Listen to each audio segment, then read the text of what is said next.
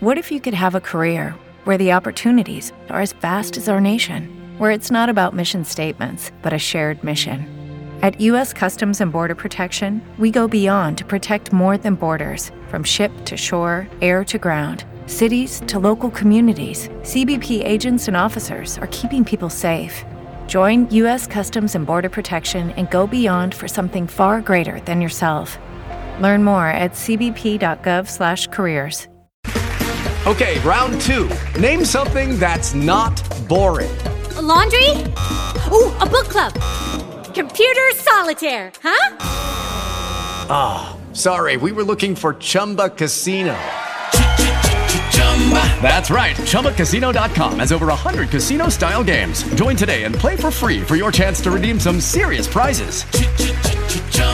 ChumbaCasino.com. No purchase necessary. Full prohibited by law. 18 plus terms and conditions apply. See website for details.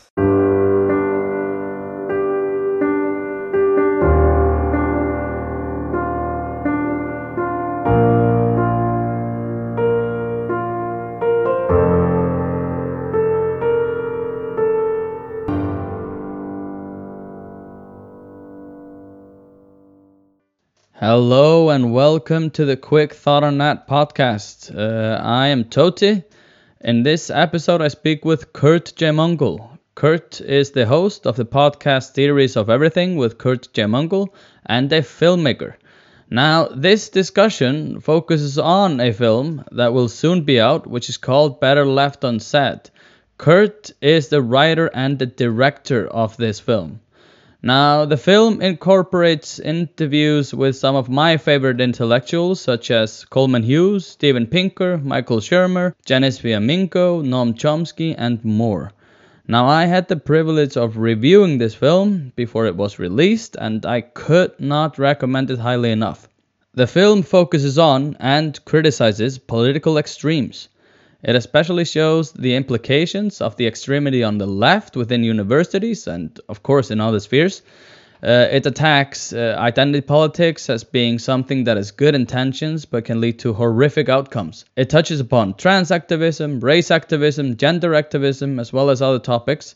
Uh, in general, it argues, rightly in my view, of course, that the wokeism that has been plaguing universities and ruining them from within past few years is something that has to be challenged.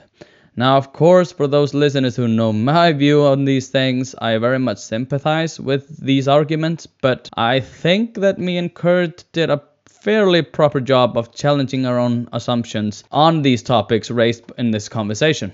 Uh, although we focused on topics that are connected to the film, we took fairly large philosophical sidesteps, which I think does a great service to you, dear listener, because you can enjoy this conversation as well as watch the film without listening to the same arguments being made all over again. We spoke about, of course, political extremes, cancel culture, free speech, the implications of lying, whether Curt worries that the film might be used for cynical purposes by the extreme right, and the worrisome factor of the right wing response to the extreme left, the philosophy behind the group dynamic as opposed to the individual dynamic, uh, easily digestible truths, and much more. Um, I end this conversation by asking him what he finds the most persuasive argument made by critical race theorists to be. Uh, I will put a link to the film in the description as soon as it is out, so you can watch it from there. Um, I have nothing more to say, I think. Enjoy. All right, I am here with Curt J. Uh, Curt, thank you so much for joining me. Thank you, Tóti. I appreciate it. I'm looking forward to this. First of all, congratulations on the film. Now, you are a director and writer of a film called Better Left Unsaid. And first of all, I'd just like to congratulate you on finishing, or at least being at the end of finishing the film. Thank you. I appreciate it. It's been done for almost a year, and it's great to finally, hopefully, get it out to the audiences soon. Um, when will when will it be released? We're looking for the end of March. It's been quite a ride with the what are called aggregators, not distributors. We went through a different route, but hopefully it'll be at the end of March. Right, right, right. All right. So before we get to the film, uh, who are you? Mm-hmm. Okay, my name is Curt Jaimungal. I'm a filmmaker. well, I was confronted with this extreme left, extreme right situation, as we all somewhat are, inundated by it, in fact, and I was trying to make sense of it. And I thought, well, how about while I make sense of it, I film it at the same time and I can make a film out of it? And that's essentially what Better Left Unsaid is. My background isn't in film, my background is in more of the analytical sciences, the hard sciences, that is math and physics. When I say hard sciences, sciences, I don't mean that they're difficult, although they are. I mean the hard sciences as in they're not as soft. Soft sciences are less about physics and math, more about sometimes even ethics like medicine. Well, as a social scientist, I'm extremely offended. Uh, so, um, well, to begin with, let's just hear like, what is the film like? What is it about? Okay, there's the left and then there's the right. Most people have an intuitive understanding of what that is. And then there's the extreme left and the, the extreme right. But it's not clear what constitutes extremism, especially given that anyone who belongs to one group that you've already classified as extreme wouldn't categorize their own beliefs as extreme and may, in fact, call you extreme for not holding them. For example, if you, let's say, the transitioning of children sexually at an early age is something that you don't believe is salutary for their health or for society's health well, let's just imagine that's the case, or at least you don't think it should be jumped into quickly. That view can be seen as well, those who give testosterone and estrogen and encourage children to consider themselves to be a gender that they're possibly not, they could be, poss- possibly are, right? I'm just saying possibly. If you view that as something that is to be lauded, that is the extreme left. You might call that the extreme left. But then if you say, well, I don't think you should be doing that, then the extreme left will call you extreme because you're just impinging on their rights and trans people have suffered and they have markedly higher rates of suicide and depression and so on. So why wouldn't you try to do what you can to make their life easier? You're a monster. It's not clear what extremism is. So the whole point of the documentary was to explore what is the extreme left what constitutes extremism and simply show my research simply show my thought process through it.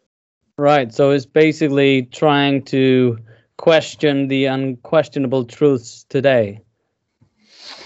Yeah in some places it's unquestionable that's for sure I mean, I, I'm And, yeah, obviously like on to, Tóti, Yeah. like me and you, it's almost like our jobs to question it. So in some sense, it's not unquestionable. In other respects, it is completely like. And if you're a professor, for example, in academia, and you question it, then your job is on the line.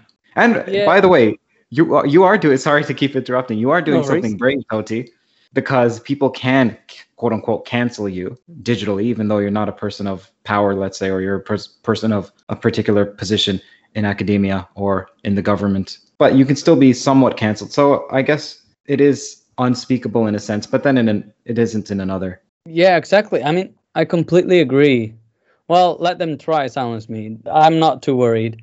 So, what drove you guys to create this film in the first place? I mean, you are you you are along with Dash Amelia, if I'm not pronouncing Mm-hmm, Have you that interviewed the him? wrong way. Have you spoken to him? But uh, no, but he is the producer of the film, if That's I'm not correct. That's mistaken. correct. Yeah, yeah, Oh. yeah. So the way that it came about was, as I said, I was trying to make sense of this. Then I thought, well, I am a writer and director. Why don't I just write and direct this and produce it? Initially, I was just the sole, pretty much the sole producer. After it was screened, like I had a first draft essentially, Desh saw it and thought, hey, this can be something much better than it is. Like it's, not that great right now, Curt, but it can be better. And he came on board. It's interesting. All right, let's. As, as for what drove me, as for what drove me, well, yes. Tóti, you said that you're a social scientist. hmm That to me, well, the word scientist to me implies that you're an intellectual and it implies that you like ideas. Now, for me, I'm somewhat similar. I like abstractions and puzzles and whatever takes cerebral effort. I'm not a fan of physical exertion, although I do work out, but I'm not a fan of fixing up items around my house or taking out the garbage or working on a car. I'm not great with my hands, but I'm somewhat great with my mind. And so I like to apply it. I like to find situations where I can apply it. And analyzing the extreme left is one where I can, where it's extremely philosophically detailed and it's a fun rabbit hole. That's partly my motivation. Um, now I want to begin with the issue closest to my heart, and definitely my listeners that have been listening to the podcast for quite a while know that this is the case, which is freedom of speech. Um, Yeah. Why has the right wing annexed freedom of speech, or or was it even annexed? I mean, was it perhaps given to the right by the left? Because in my estimation, this is fairly new. Christopher Hitchens, for instance, uh, always held tight to his claim that while he did not want to be censored, he also, and this is this is not common in nowadays, he refused to be a censor, censoring other people. That is to say, uh, he don't want to take a part in a society where he'd have to choose, and this is somehow a new world, at least in my estimation. What what how what is your take? When you say it's annexed, do you mean that they've taken it? That the I extreme mean- right, or I mean, sorry, not the I- extreme either, right, the either, right it, in general. either it was taken or it was given because Okay.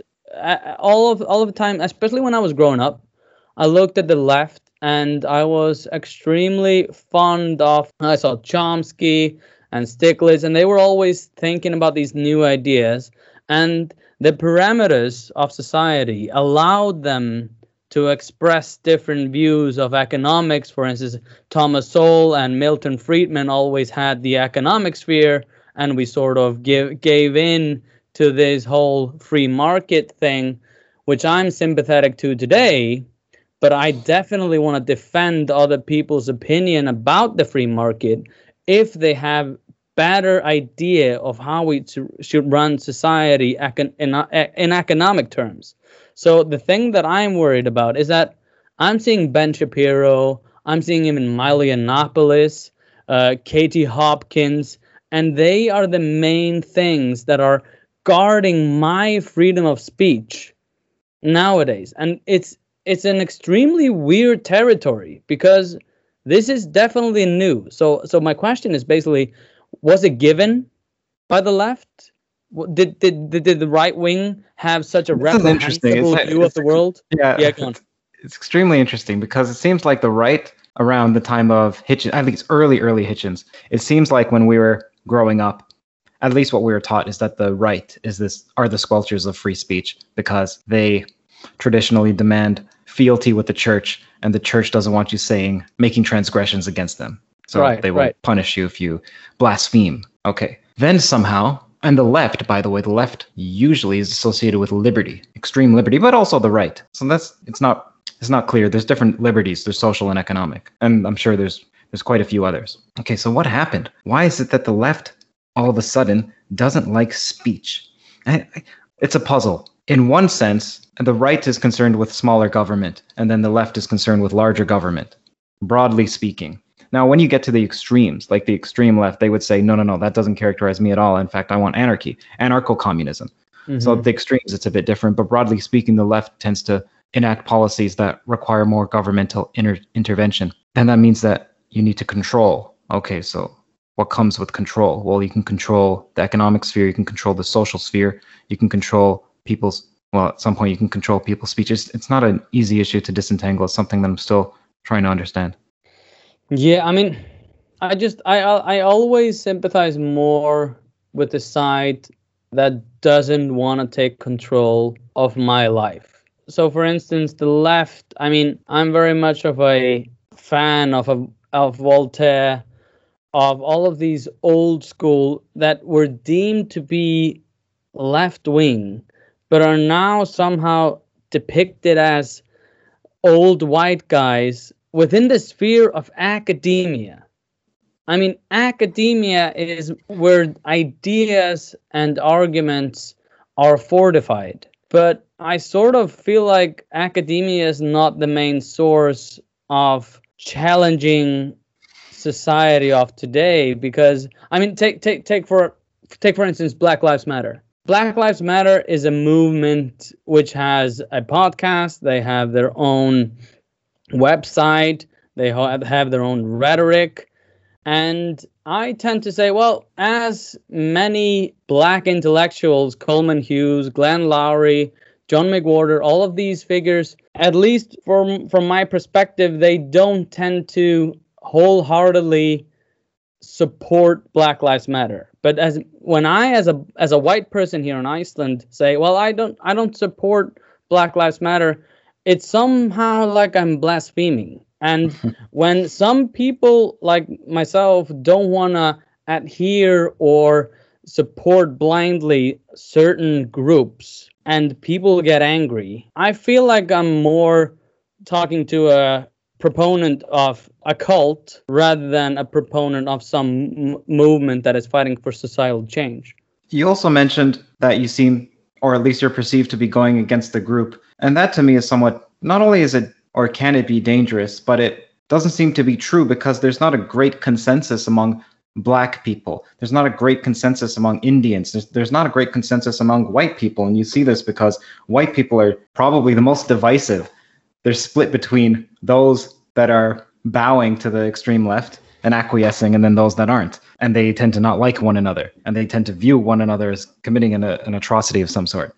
Exactly. So it's not clear to me that there exist these groups. In fact, the extreme left will say, not even the extreme left, just the left will say that race is a complete social construct and it's predicated on power and it doesn't exist biologically. You can't look at someone's DNA and then say what race they are because it was imposed. At the same time, while they dislike race, they also said, sorry, at the same time, while they dislike or point out the illusory nature of race, they also seem to be united by it. And it's somewhat perplexing. Now, maybe they'll say ethnicity is different. Well, okay, how are they different? That's it's a fun issue. It's more like I have que- I have questions upon questions. I see. I'm extremely ambivalent, Tóti. I'm I'm not sure. I don't stand on the political spectrum on the left or the right. I'm apolitical, and the reason is that it's ex- they're extremely complex issues, so complex that every time I think that I formed an opinion, I just find an objection to that. The thing that amuses me the most is, or the most enjoyable things about conversations is just being able to disagree because I don't very much enjoy agreeing with people all the times. For instance, I mean, me and you pretty probably have a lot of different ideas of how we should run society. And but we can play around with these things. I think Stephen Fry said this when he was discussing with uh, Michael Eric Dyson, Jordan Peterson, and uh, Michelle Goldberg, if I'm not mistaken, where he just said that we, we have lost the art of playing with ideas because I have to come into conversation and I have to persuade you of my consensus. Otherwise, I will have to look at you as an enemy. Now, I, I mean, I find you highly enjoyable. I mean, we met 10 minutes ago, but still, we, we could still disagree or agree and go on our own way. So, I mean, I think this is definitely different.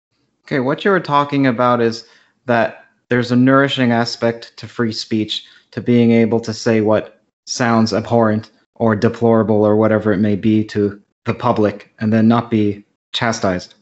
Well, see the difficulty about this is that then they can just they can say there exists restrictions already on free speech. You're not allowed to incite violence. Then you can talk about what's the definition of violence and how proximal do you have to be to the inciting of violence. So for example, is what Donald Trump said inciting violence at the insurrection?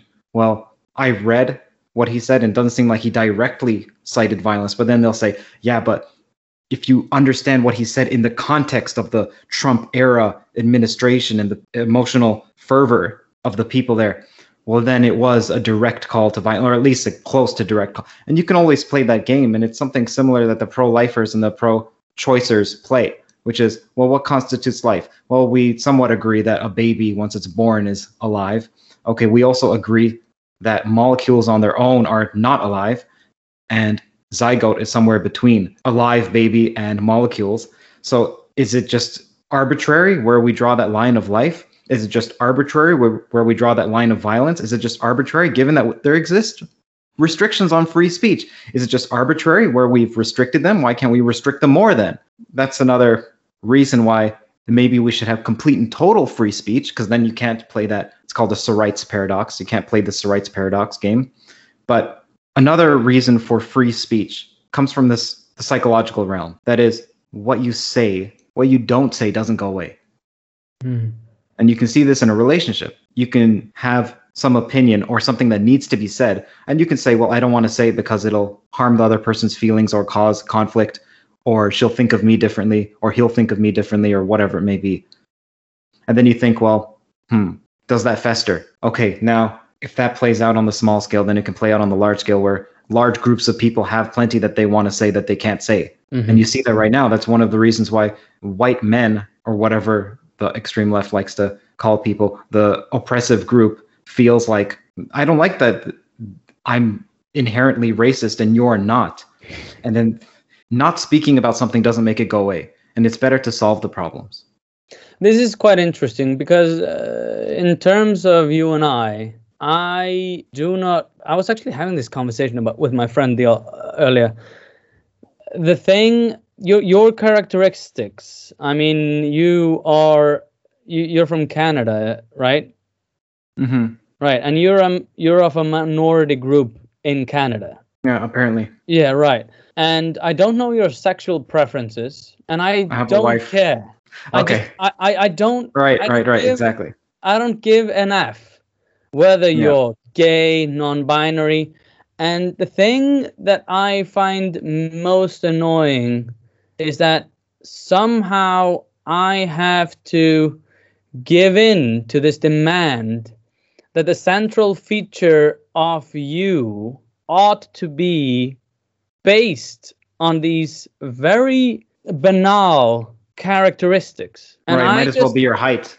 Exactly i mean i'm i'm very short and it doesn't matter that doesn't that doesn't give you any idea of how i look upon society and it ought not to. But somehow if you're a part of a minority group at, of any sorts that should give me an idea of how you think about economics. And i simply refuse to play this game. And that is something I actually came away from watching this film is that I refuse to play this game. Why should I play this game?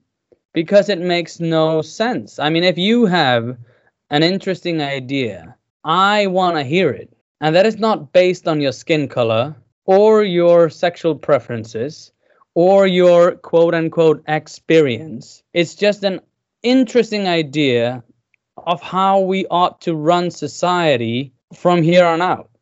Yeah, yeah. You you made me go off on a tangent in my mind about about physics. And that, not, not that I wasn't. There, there's a way to relate what you're saying.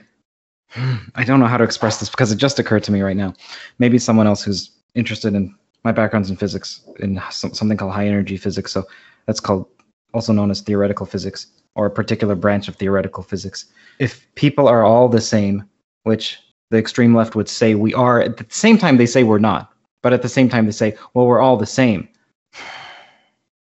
Why should you look at me any differently based on my race, based on my height, based on my intelligence, and so on?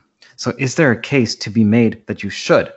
See, here's what's interesting is that the more atheistic types tend to be materialists, also known as physicalists if you incorporate the laws of physics.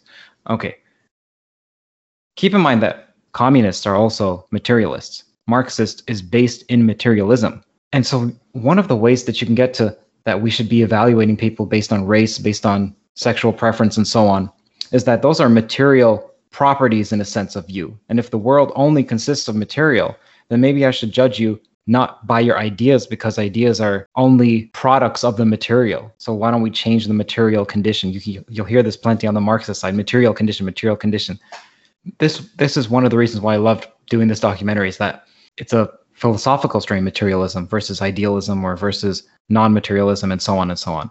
But materialism is the science. It seems like materialism is the scientific ground. But at the same time, remember, the socialists call themselves, sorry, the Marxists call themselves scientific socialists. And then you may say, well, they're not scientists. Well, it's not clear what the ramifications of a purely materialistic world is when you're trying to govern people, as well as mix it with humanism. So, human Christopher Hitchens is a humanist, I believe. Like you mentioned, he wants no master above him.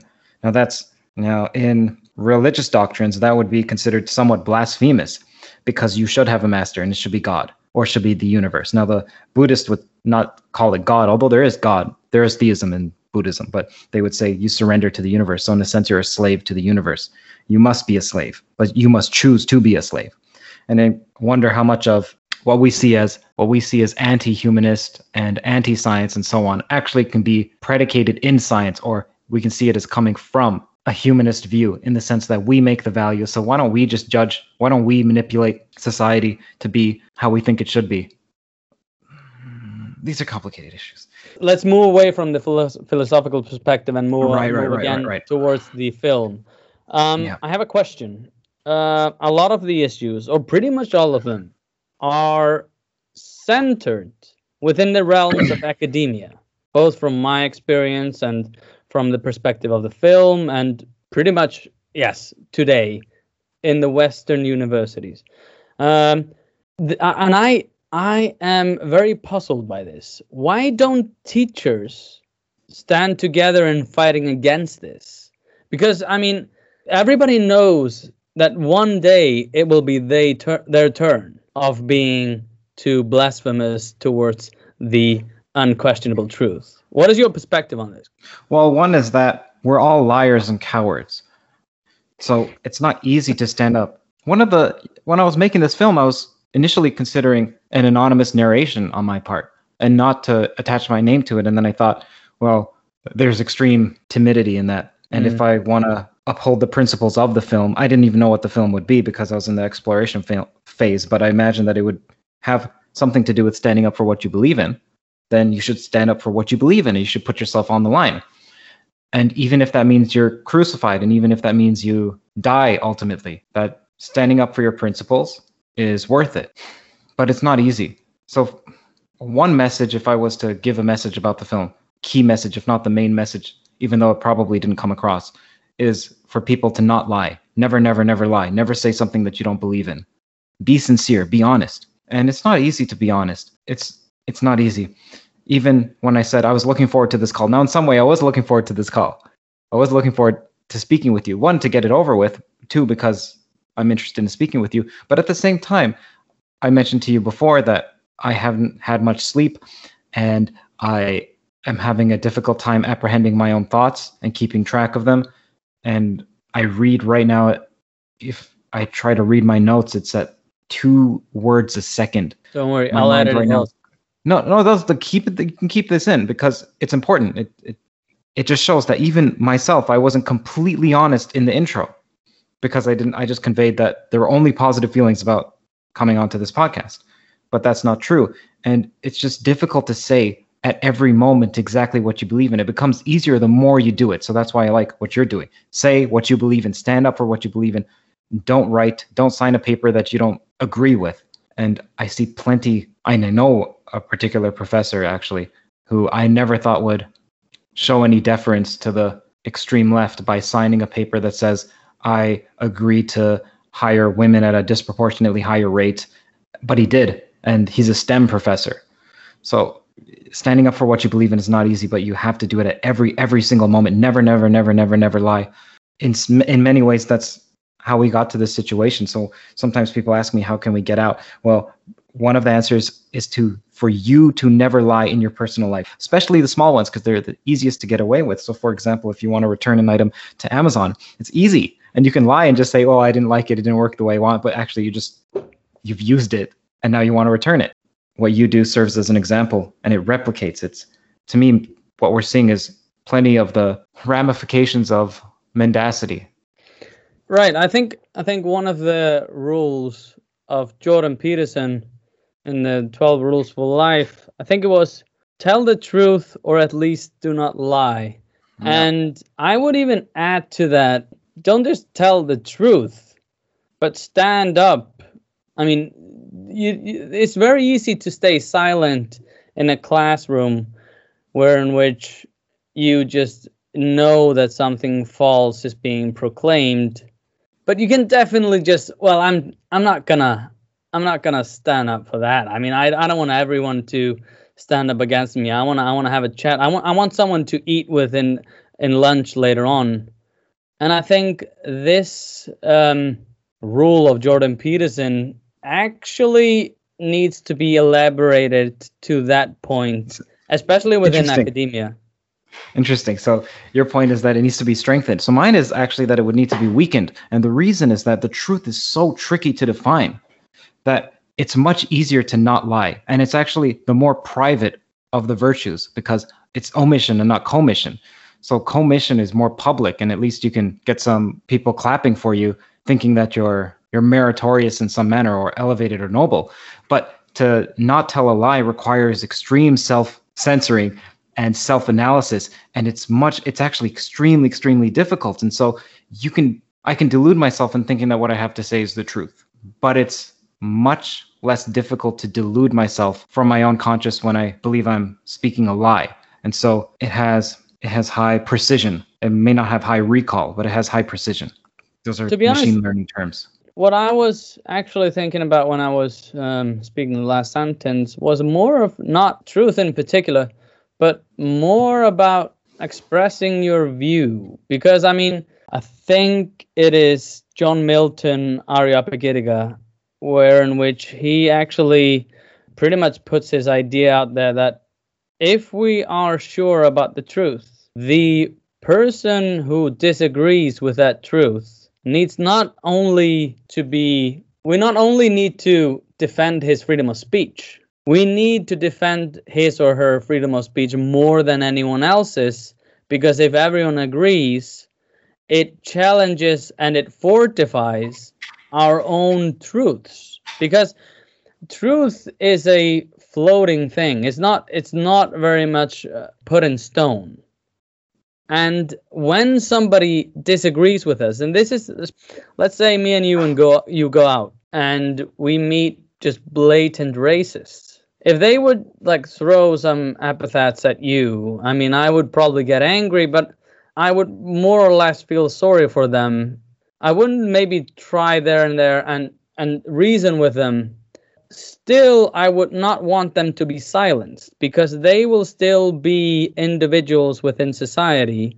The the best thing i can do is try to persuade them off their own ideas which i think are reprehensible stupid.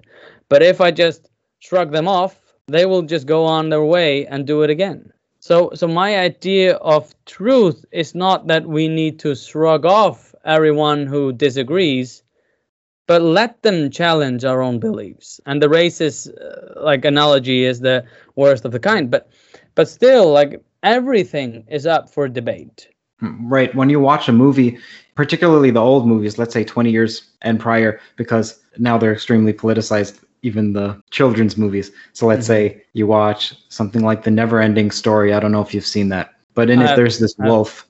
Right. There's a wolf, and the wolf says, I know, I don't recall exactly what it says, but it's almost like the nihilistic devil inside your head, which is your own voice, which if you listen to what the wolf is saying, you've said that to yourself. Maybe you say that to yourself continually. Now imagine you said, I'm not going to allow that speech from the wolf is so dangerous. I'm not going to allow it to be heard. Well, it doesn't mean that it's not there. It's still Right. inside your head. But at least now, if we can allow it to be heard, then we can see that this hero, Altreus or Altreu, I forget the hero's name in Neverending Story, he defeats it. And so you see how it can be toppled. But that requires a faith in the hero. So then, what I wonder is how much of the extreme left, how much of what they're doing is not an attack on free speech, but more an attack or more an expression of their of them mistrusting the hero, of not believing that humanity will prevail. I'm super curious about that. It's something that I'm chasing right now in my writings. Right. Now, regarding these issues, uh, the film attacks the. I'm not going to say it attacks any community, but it, it attacks trans activism, race activism, gender activism, all of these sort of strains that have sprung in academia within the like last few years, like since 2013, give or take. that's right. Uh, yeah. Do you worry that the rhetoric or, or the rhetoric of the film creates more division than anything else? Yeah. I worry about that. I worry. No, it's true. Yeah, because I worry that whatever I do will be used for ill, and I hope that it will be used for good, or I hope that I hope that. But I can't guarantee that even with the most pablum of phrases of mine. So, for example, if I was to say, just comment on a table innocuously, well, what am I to do? Just keep saying insipid and bland comments over and over? at some point I have to talk about well if I'm interested in it, at some point I'm going to talk about what I'm interested in and generally that's what's interesting. And us- usually what's interesting is not where there's a consensus. And so I have to risk being used as a weapon from a side that I don't like to a side another side, even if I don't like that other side. You know what I mean by that is I don't want to be used by the alt right mm-hmm. to demonstrate why the extreme left is ridiculous. And hopefully, one way of mitigating that is by talking about the perils of the alt right in the film. Although I call them the extreme right, and same with the extreme left. I call them the extreme left. I don't call them radical left. I made sure not to use that term. In fact, but yes, it is a worry, and I don't think that it's a great worry. And one of the reasons is that Desh Amila, the producer, said that the extreme right tends to not be as intellectually savvy as the extreme left, and this film is highly cerebral. So it's difficult to find snippets that you can just take and use as a shareable segment video argument. It's it doesn't lend itself to that. Right. Now, on that note, um, I'm going to give our listeners an idea, especially if they haven't watched the film, of what I'm talking about. I'm going to quote you on a statement that I think will prove later on to be controversial, uh, that I want you to elaborate or at least respond to. Quote uh, Claims of sexism make women perform worse, regardless of correspondence to the truth. Claims of racism make minorities perform worse, regardless of correspondence to the truth.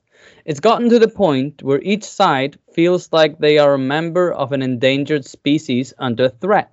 If you're white, it's the foreigners. If you're black, it's white people. This has to stop unless you want it to continue. End of quote. How does the alternative look like? The alternative to I mean, we now have these group dynamics, and I'm wondering if you were running society or if you could tune the dials, so to speak. How, how would it how would it look like um, in terms of these groups and would these groups just drop the whole group dynamic? you're not responsible for what you do. You're responsible for what sorry, you are responsible for what you do. You're not responsible for what your group does. And that's also that's like to the degree you belong to a group. Now, if I was in charge, first of all, I wouldn't be in charge. And I I don't know, I would just I think that what you're asking is not if I was in charge, but if I had a magic wand. Mm-hmm. Well, okay, if I had a magic wand, hmm, it's not right for me to have the magic wand and for me to even say that people shouldn't be viewing the world through a group lens because even I could be wrong in saying that. So the best I could do is just hope that I'm being truthful and honest and and loving at each moment and I would wave the wand to help me be so. So that's what I would do. Yeah, I that's a that's a fair point. Another question, to be completely honest, um, the film very much focuses it it it it touches upon the far right historically, but it mainly focuses on the extreme left and how they are. But the extreme right seems to be more conspicuously dangerous and so on. So why would I focus on the yes, left? my my question uh, my question was basically like. I was I was never scared of the blue-haired children with funky ideas on economics and cer- certain societal issues and and even medicine for that matter. These sort of hey hey ho ho people. I I'm I'm never really I'm I'm not scared of these people. Uh, but I was always scared of the response of the truly dangerous people on the right. For instance, when Jordan Peterson spoke to Joe Rogan and Bret Weinstein. I think it was that conversation. And Jordan Peterson said that, well, the right wingers have all the guns. And I and I thought I thought to myself at that point, well, that is just highly exaggerated and uh, dialed up rhetoric. But at this point in time, especially like George Floyd and this summer and the Black Lives Matter protest, I'm more pessimistic and I'm more worried about exactly that. What You're is more worried about the right than the left? I am. I am. I, and, and and more in terms of response. I'm not I'm not scared of how the right wingers are behaving at this point in time. But I'm I'm worried that the left wing will put them too much up against the wall, especially in America. Okay, That's now that's you you just touched upon something. So this, this is extremely interesting. Mm. Essentially, the question, essentially, to boil it down, why would you fight if you had a gun and there was, let's say, a, a wrestler coming at you, and then a scrawny 15 year old nerd also fighting you? Why would you shoot the nerd who poses much less of a threat when the brawny person is right there and you only have one bullet, let's say? And in this analogy, the bullet is my time and effort. So why would I make the documentary on the left mm. when it seems like, and this is backed up by statistics, that the extreme right is responsible for more deaths than the extreme left in the past in the West? Firstly, what's interesting is think about the left, the extreme left, before in the 60s, extreme left, quote unquote, were the hippies, the loving commune hippies that would put flowers into guns. It's not that anymore. It's not MDMA. It's vitriol and hate. But that doesn't justify me making an entire movie. So one of the reasons is that the case to be made to demonstrate the unreasonableness, quote unquote, of the extreme right is somewhat easy. It's that racism is wrong. You shouldn't judge people by their skin color unless for some reason you need to for, let's say, a modeling career like you're an actress and you need to hire a black person for whatever reason the role requires it, or you're large and you're a plus size model. So you obviously need to visually judge people for that career. But generally speaking, why would you give preferential or detrimental treatment to someone based on an immutable characteristic of theirs? Well, an immutable, sorry, cosmetic characteristic of theirs. And I say that because we do judge people by intelligence. And that to me does seem to be somewhat fair because I'm not, you, there's no, no one's clamoring at Google to hire more autistic people or more people that have down syndrome or more people who have who are mentally challenged in some way. There's no you don't see that movement. It's about more of the skin deep issues of color. Hmm. Okay. But is that as dangerous as the right? Well the right it just seems straightforward. I don't know what to do about the alt the alt right. Remember, I went to university, so my whole milieu is the extreme left.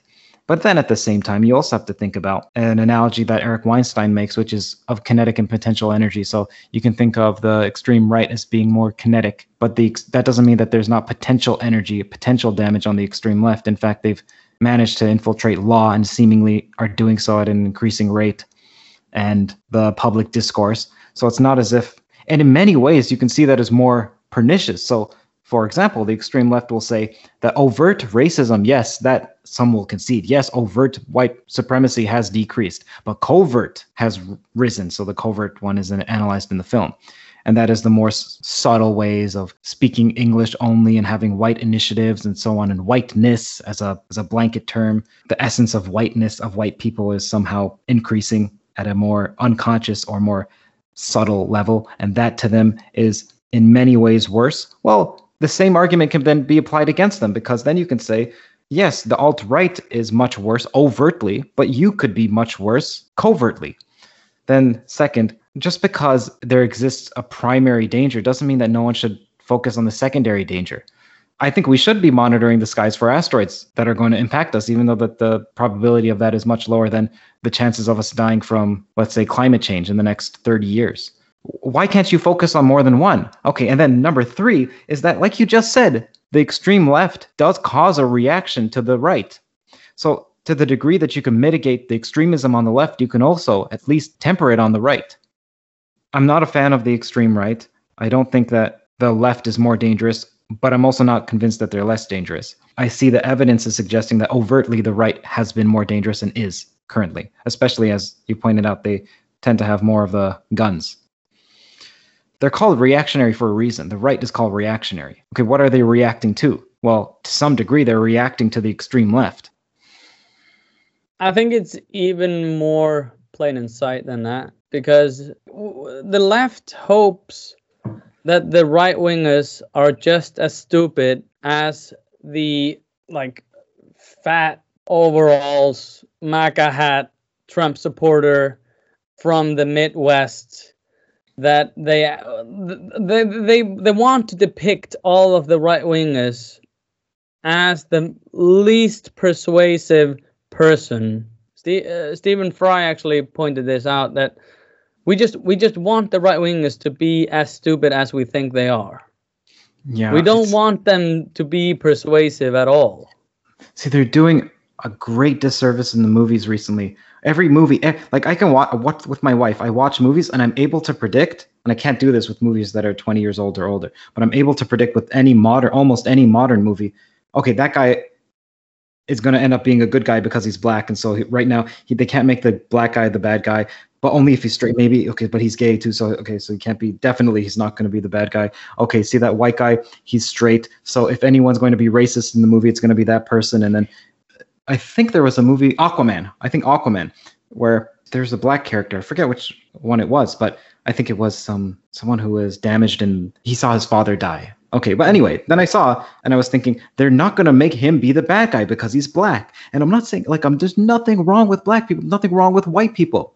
But it's easy now to predict how a movie's going to turn out because they already have this political message of or this whole phil- philosophical framework that I can overlay on- atop the movie. And that to me means it's not art. Okay, then in modern movies, they will portray someone who's racist. It's the easy the way you make the person seem to be bad is they'll say, and they're, they're almost always white, bald people generally, white old men who say that so and so shouldn't happen because they're mixing up of something pure. They'll always refer to that because that's like Hitler and generally with regard to race. But what I'm saying is that they treat the racists as just racist with no redeeming qualities. Now, if you look at an old movie like Babe, which is from the 90s, Babe had a, a wolf character, a dog, a, sh- a shepherd, I believe. And the dog said, Pigs shouldn't be shepherds because pigs are pigs and pigs should be pigs and dogs should be dogs. And I remember watching that and thinking, mm, okay, this is the racist character. But then I remember thinking, wait, but this is an old movie. So then I can't just apply the same evolution as to how the movie will ramify as if it was a modern movie. But I watched that dog, and then later in that movie, that dog ends up saving Babe. Now, they wouldn't have that in a modern movie because if Right. you espouse anything racist, you're just bad completely, and there's no redeeming qualities. And that's another reason why why we should be allowed to say what we like because then the people who are on the alt right are watching movies that are modern and they're thinking this doesn't represent me at all. This is not how I think, and this you know, I was criticized because apparently I portray the far right as being not philosophically nuanced, and they apparently are. And I need to, like, that was a mistake on my part because I see it primarily as racism, but there's also nationalism and there's a philosophical framework within nationalism. It's not just jingoism, but either No, I way, mean, their views are not being properly told. What you're describing is that movies have moved away from nuance towards easily digestible truths. no, they're not even truths. I wouldn't call them truths. No, but they they want to depict them as truths. I mean, they want they want it to be easy for you to be able to apply certain things to certain people based on their characteristics. And the, mm-hmm. these are the easily digestible truths that I find so repre- just not even reprehensible. I don't know the, the how to describe it. It's it's more of a moronic virtue, quote unquote, left wing virtue that they, they, they just make it too easy for themselves. I mean, not all black people are nice people. Not all Asians are nice. Not all white people are nice. And as soon as we can digest that and come to the table not knowing the truths based on these characteristics, I think up until we grasp that, we will have a hard time building society. Okay, let me play a radical lefter or an extreme, someone that we would call on these someone Oh, that I we thought you characterize as being on the extreme left. they would say, "I'm not saying that all black people are nice or all black people are not nice. I'm saying that black people as a whole experience oppression, and that's a holdover from slavery, and that white people as a whole have not experienced that same tragedy. And I'm that's all I'm saying. So Yes. let's imagine they said that. Then what would you say to that? I would say. I'll tell you why I'm saying this right now. I'll tell you why I'm saying this. Because I see this happening on the people who dislike the extreme left. And I characterize myself as someone who dislikes the extremes. No, but as mm. for what constitutes the extreme, like I'm still I'm still evaluating that. The film is like a work in progress. It's just my thoughts at the current time. And I see the people who dislike the extremes, the extreme left, they they mischaracterize them all the time. I'm not accusing you of doing that. But here's one example. They'll say they they try to shut down whatever they disagree with. No, they don't. They don't try to shut down whatever they disagree with because if you're a cat person and they're a dog person, they don't try to shut you down. So it's like there's certain sets of beliefs that they'll shut you down for. So it's not just whatever they disagree with.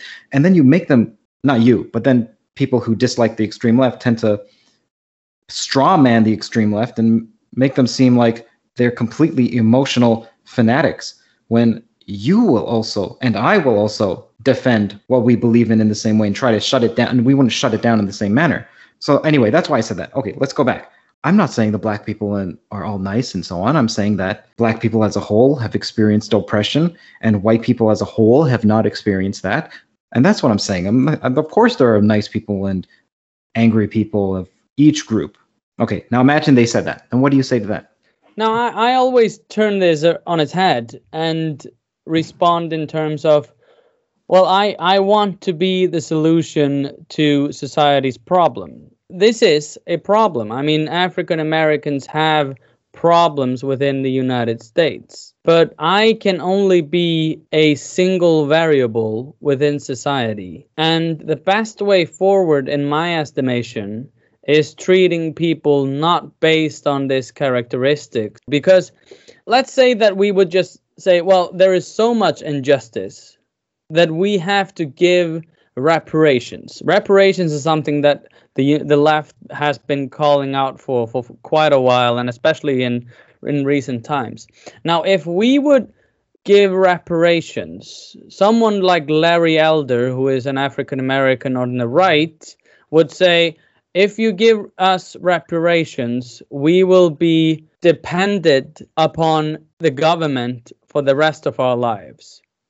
Now, why is it? This is something Thomas Sowell says as well. Why is it that African Americans in America, for instance, are worse off economically than they were in 1950s?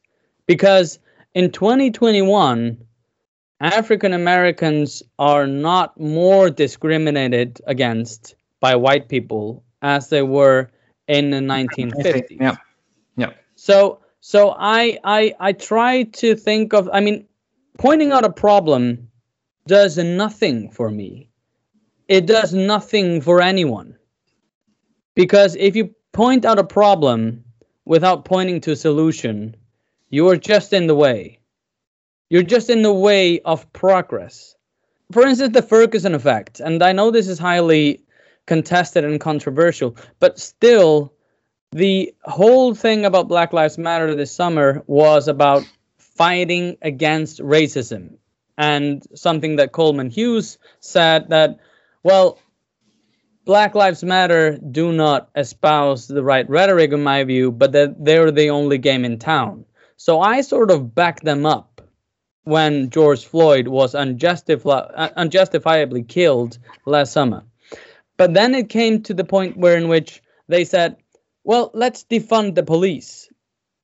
And when you see any sort of uh, interview within these societies, within African American societies, poor societies in America, they all say we need the police. But the Cambridge University people just say defund the police. And the states that decided to apply defunding the police. These societies saw murders and crime go up in a record in unseen rates. So I mean, like I said, the progress is within the realms and within the parameters of trying to solve. I mean, you're a you you work with statistics. I mean, you work with physics and how things work in progress you know that just pointing out a problem, if you have a math problem, you don't come up to the teacher and say, This is hard. I mean, and, and this is how we build society. We have to take a step back and try to solve the math problems ourselves. And if we don't know how to, we have to call for assistance in how to understand it. We don't need to understand better of how the problem is we need to be seeking solutions. Hmm. Okay, well, as for posing a solution rather than stating a problem, actually, this is, I think this comes from 12 Rules for Life in the book, which Jordan Peterson had an interesting point about marital conflict or just relationship conflicts that men try to solve the problems, but women just want to talk about it. But there is a nourishing aspect to that because some often plenty of the problem is knowing what the problem is and a woman is more about diagnosing the problem, whereas the man is like, well, what's the problem? I can solve it. Just tell me what it is. And I thought that was extremely interesting. Then I also thought about in philosophy and in physics and in many other areas, stating the problem precisely and correctly is almost half the solution, especially in philosophy. Much of the problem with free will and consciousness may be because we're not stating the problem correctly. And in fact, when David Chalmers came around and said the hard problem of consciousness, he put words to what was a was an indistinct mess before, but then all of a sudden it's clear. So I don't agree necessarily that what we should be doing is solving the yeah we definitely need to solve the problems right? Like it's it it should be geared toward that. But often stating the problem and finding out exactly what the problem is is is not is not trivial and it's also necessary. Okay and as for the defunding the police i wonder how much of the issue is that is has to do with protesting. So when you protest then you need to have a chant. So you need to have a saying. So you need to have it to be you need to have it in five words or so. But what they meant if we were to steel man the Black Lives Matter movement isn't necessarily, although some do care about just defunding the police, it isn't necessarily that if we're to steel man them, it would be, well, there's definitely waste in the police force. So how about we cut down on the more lavish or intemperate or unnecessary aspects of the police and then take that money and channel it towards communities and solutions that will help mitigate the crime rate in the long run.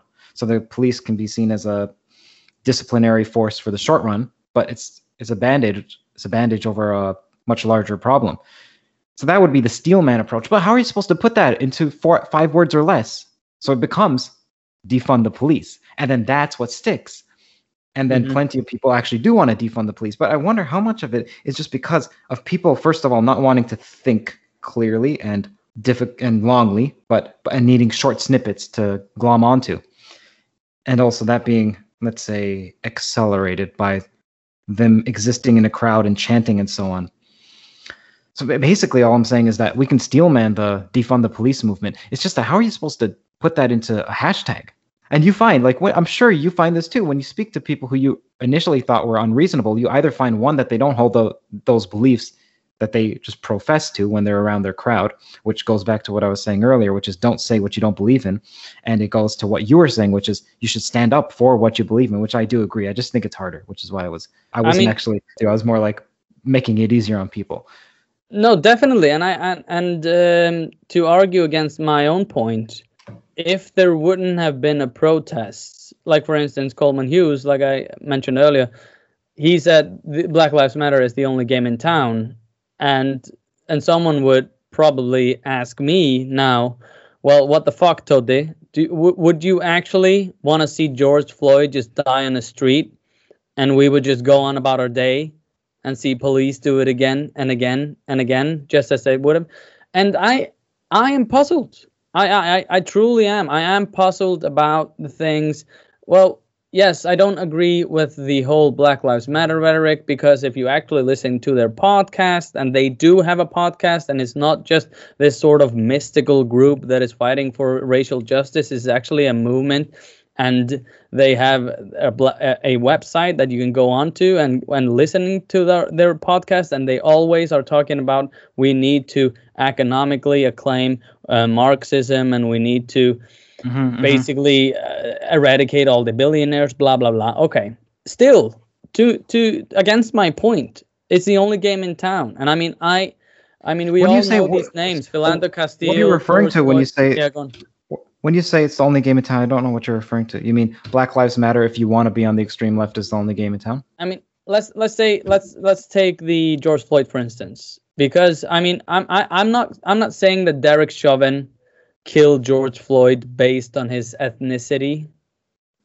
But if we just take out the variable that a police officer in America is willing to kneel on someone's neck for 13 minutes, regardless, I mean, he w- he could have been intoxicated, he could have been um, resisting arrest, all of these things.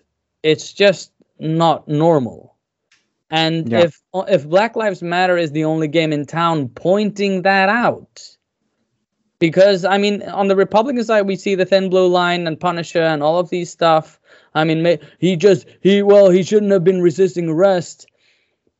I find that just as reprehensible. so I, I am I am conflicted.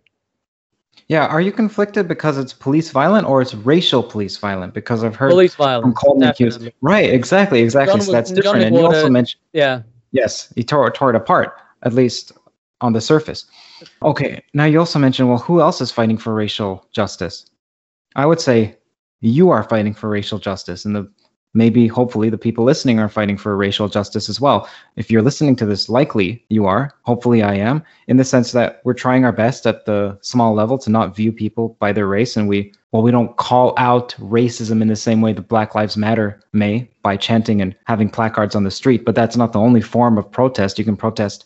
Well, Like there's we many now. forms of pro- right. In in many ways, this whole long form conversation is its own form of protest because everything you do is a, like I mentioned, everything you do serves as an as an example, and everything you don't do does as well. And that's why I think that whoever's listening, that you have a much larger role to play than you may initially think because what you do and what you don't do matters an extreme, extreme, extreme, extreme amount. And I have a feeling that, well, what I'm wondering is also how much of what the extreme left is doing is not just an attack on free speech, like we mentioned, but an attack on, or at least stating that they don't believe in the hero, but also that they don't believe in the, they don't believe that you as an individual can make much of a difference. But I don't see that as being true. I see that you, I, can make plenty, plenty of a difference if only we wouldn't be so lazy and lie and hate. And if we would love more and be more, more truthful and courageous, then that would change the world. Definitely, and I'm willing to fight that alongside you. Um, now I have one more question, but if anyone is interested uh, in the topics that we've raised here, we didn't. Of course, we were never gonna exhaust all of the arguments of the film. But if you're interested, it's a fantastic film, Better Left Unsaid, which will hopefully be out in the in the end of March and like i said it's it very much argues everybody's perspective and really attacks every idea there is within this realm um final question um after looking into the sphere of wokeness what is the most persuasive argument of critical race theory One is experiential knowledge. There is something to be said about experiential knowledge. There is also something to be said about facts over feelings over facts instead of facts over feelings. I was talking to, I don't recall who it was yesterday. Someone else was interviewing me. And I was making a case, and I'm saying this as a scientist, or at least I have a training in science, that there is something to be said about feelings over facts. Why? Because why do you care about the facts? Then you may say, because the facts are what they are. Okay, but why do you care about what is? well, oh, isn't it just obvious you care about what? No, no, nothing is obvious. So why do you care about what is? Okay, well, the more we guide ourselves by what is, the more that we can navigate propitiously instead of dangerously. Okay. In other words, it's better to know exactly how your car works instead of your idea about uh, how the car works so you can actually fix it. Okay, well, why do you care about fixing your car? Because so and so and so. Eventually you get to, well, because I don't want undue pain or perhaps I'd like for society to flourish and feel some amount of pleasure. Well, is that not an experiential claim? Is that not an empiricist, empiricist, sorry, an empirical claim? So you go from rationalism to empiricism, and and that in essence is something like saying feelings do matter over facts in some way, shape, or form. Now I know what Ben Shapiro is saying when he says facts over feelings. It's more like your emo- your initial emotional outburst shouldn't outweigh the scientific evidence. I understand that. Well, anyway, that I'm just trying to steel man critical race theory as much as I can and the proponents of it. Okay, so that's one way. Then another is that racism does exist. Okay, yes, and that we all see. This is something else I spoke about on another podcast, and I was speaking. I said like I'm racist. I'm deeply racist, and I'm deeply sexist, and I'm deeply homophobic, and I'm deeply heterophobic, and I'm deeply. I think that virtually every single sin that exists, we all suffer from to different degrees. But when I said that I'm sexist and I'm racist, host as well as Desh, Desh was like freaking out, like, "Oh my gosh, Curt, don't say that. You're going to ruin the chances of this film even before it comes out." But I'm thinking that you're not honest at all. You're absolutely like, but you, including you as a black person, if you think you're not racist, but including you as a white person, including you as a brown person, and including you just as a person. Forget about as a white person. Who cares about that? As a person, and there are many. Like I even catalog it each time I think about it. I have a at the end of the week I do an assessment of the week, and I have a tab for bias, and I try to think about okay, where am I biased? And I sit and I think it maybe takes me 20 minutes sometimes to come up with one point, but i often come up with points. Sometimes I come up with nothing. One because I'm just I don't want to deal with that exercise. It's actually taxing to do. But two because well, two it's self mortifying. Anyway, as for racist, I have a whole list of reasons as to how I'm racist. I I write them down every single time. I don't. It's not like I'm applauding it or or aspiring to be, but it's great to be. If I don't want to be racist, I should be. I should acknowledge my own racism. They're not all racism in the same way that Robin DiAngelo suggests that I'm racist. but but I think critical race theory, in the sense that there is racism to contend with. Yes, that's true. But is it our primary problem? I don't.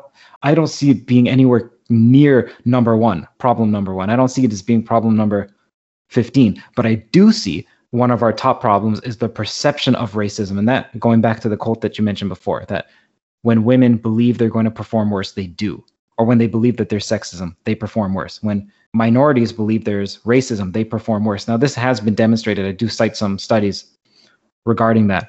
And it also just makes sense. If you believe that the world is against you, you actually you start to well you believe it because i just said it as one of the preconditions well if you believe the world is against you then you you act somehow in accordance to that Mm-hmm. and you end up bringing about what you don't want so so it's unclear to me how much of the perceiving of racism is a problem. And to me it it seems like it's a great problem because it makes it puts everyone on edge. It puts white people like white people like yourself. I hate to say this like but but anyways like like when you're talking to a black person you don't know are they a black person in the sense that they already believe in all the tenets of black life matters matters sorry and critical race theory and so on? Or are they more of the let's say sam harris and shapiro type who think freely let's say and and you don't know and so you, you're initially testing the waters. And each person is on edge with one another because they've been told this narrative of group against group against group. When if we don't tell that perhaps it goes away. Perhaps the story is self-fulfilling. And the more you tell it the more it exists. So perhaps we shouldn't tell it. Perhaps we need a different story to replace it because you can't just have a vacuum. And so what the question is then what is that story? Well maybe people can watch the film to get an idea as to what i think.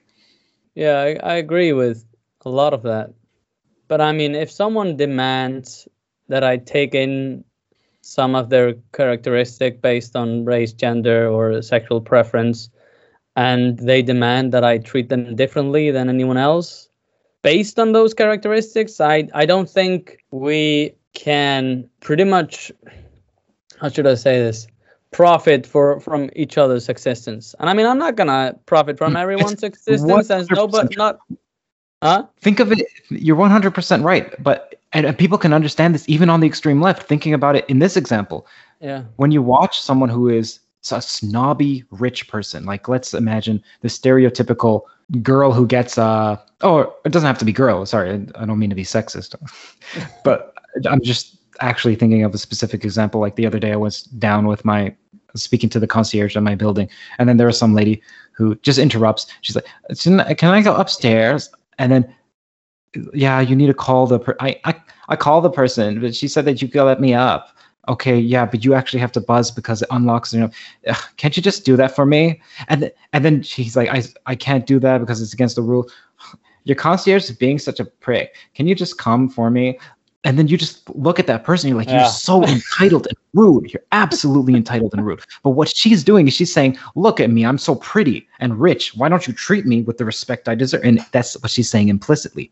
Now what you're saying is true in the sense that if someone comes to you and says hey look at because of my characteristics now it's not rich and pretty it's more like black and lesbian or or white and male or whatever it may be and you should treat me differently because of that it's the same feeling of a direful unsettling and even vexing feeling i'm why should i treat you differently because of that there's a huge amount of entitlement there so i i understand what you're saying Yeah, exactly. I mean, all of my friends are very ugly. It's it's just they are so much more humble in all of their interactions.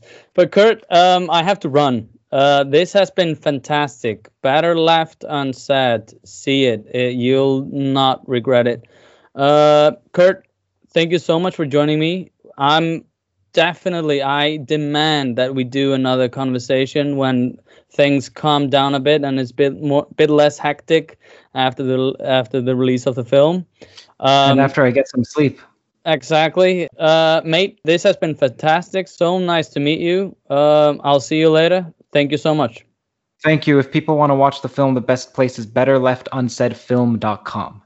Yes, I'll put a link to it um, in the description. Thank you so much. Thank you.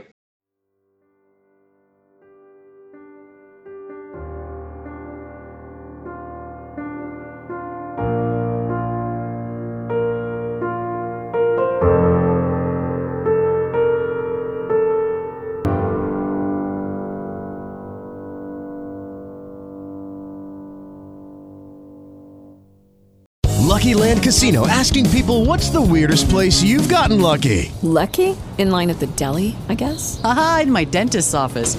More than once, actually. Do I have to say? Yes, you do. In the car before my kids' PTA meeting. Really? Yes. Excuse me, what's the weirdest place you've gotten lucky? I never win and tell. Well, there you have it. You can get lucky anywhere playing at LuckyLandSlots.com. Play for free right now. Are you feeling lucky? No purchase necessary. Void where prohibited by law. 18 plus. Terms and conditions apply. See website for details.